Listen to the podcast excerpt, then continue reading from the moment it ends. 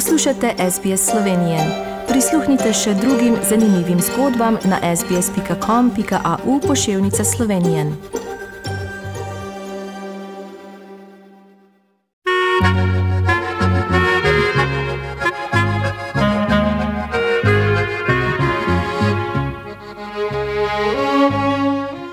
Poslušate slovensko oddajo na radiju SBS.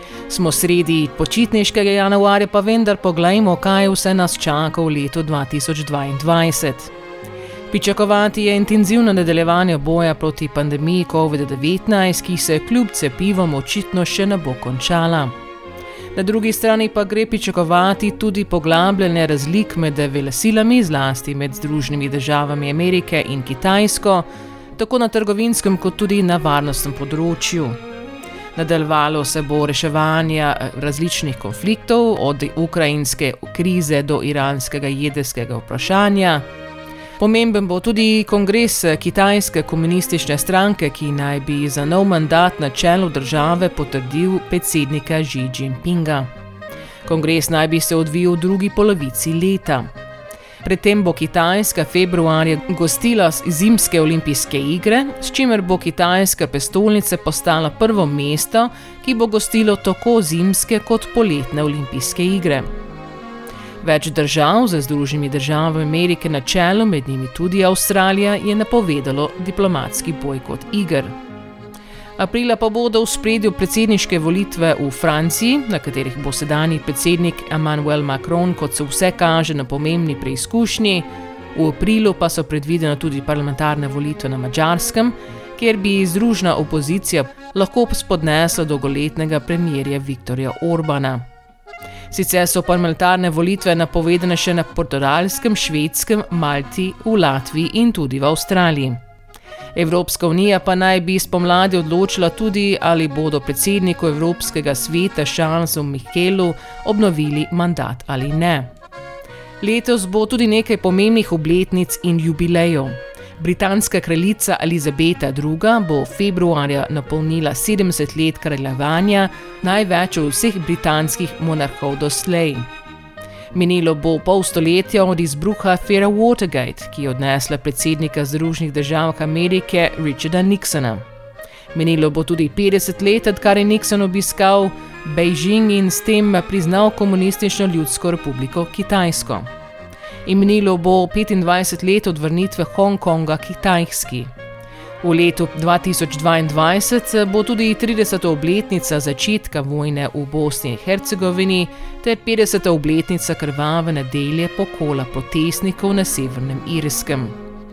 Brazilija bo medtem praznovala 200 let neodvisnosti, Irska 100 let, Indija in Pakistan pa 75 let. Minilo bo 30 let, odkar so slovenski športniki na velikih tekmovanjih osvojili prve medalje za samostojno Slovenijo. V Sloveniji zadnjih nekaj let prevladuje kolesarstvo, kjer se obeta nov spopad Deja Pogačarja in Primoža Rogliča na dirki po Franciji, ki bo potekla med 1. in 24. julijem, ob številnih drugih kolesarskih vrhuncih, kot so italijanski Giro in španska Vuelta. Glavni dogodek nogometne sezone pa bo seveda svetovno prvenstvo v Katarju med 21. novembrom in 18. decembrom, ki bo prvič poteklo v arabskem svetu in prvič v evropski zimi. Mesto Birmingham v Angliji pa bo letos gostilo 22. igre Commonwealtha v 19 panogah. V Sloveniji bo leto 2022 predvsem super volilno leto. Aprila bodo najprej volitve v državnem zboru, ki jim bo sledilo oblikovanje nove vlade, na to jeseni sledijo še volitve predsednika republike, lokalne volitve in volitve v državnem svetu. Od zadnjih treh bodo še posebej zanimive predsedniške, saj trenutni predsednik Borod Pahor po dveh mandatih ne more več kandidirati. Tako bo Slovenija zagotovo dobila novega predsednika ali morda prvo predsednico republike. V slovenskem gospodarstvu bodo v spredju makroekonomski trendi, ki so zaradi skrbi pred novičnim razmahom pandemije COVID-19 podvrženi povečanemu tveganju. Dodatno tveganje predstavlja inflacija, ki jo bo z ukrepi skušala krotiti Evropska centralna banka. Okrevanje naj bi spodbujal investicijsko naravnan državni proračun za 2022, ki naj bi po pričakovanjih vlade krepil tudi potrošnjo. Stekla bodo pogajanja z Evropsko komisijo o strateškem načrtu skupne kmetijske politike za leta 2023 do 2027. Zaživela naj bi nova turistična strategija, novo vodstvo je dobila tudi slovenska turistična organizacija. Po slovenskem predsedovanju svetu Evropske unije je na zunanjem političnem področju pričakovati manj intenzivno dogajanje in vrnitev v običajno delovanje slovenske diplomacije. Na obzorju je sicer že kandidatura za nestalno članico v Varnostnem svetu Združenih narodov za obdobje od leta 2024 do 2025, za kar bo potrebna intenzivna diplomatska kampanja.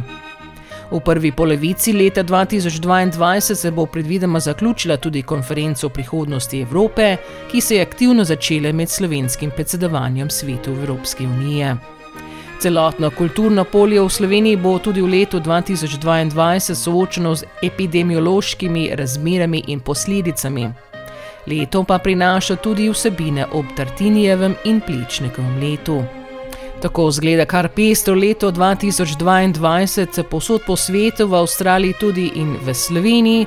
In seveda vse to boste slišali v naših oddajah Radia SBS, zato vam želimo še naprej prijetno poslušanje celo leto.